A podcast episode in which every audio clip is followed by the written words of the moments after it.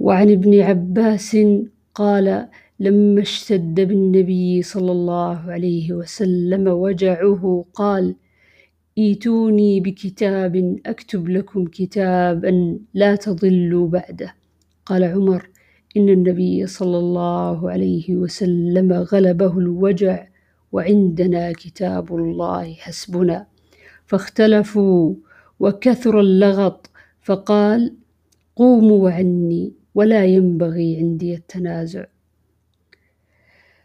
فخرج ابن عباس يقول إن الرزيئة كل الرزيئة ما حال بين رسول الله صلى الله عليه وسلم وبين كتابه.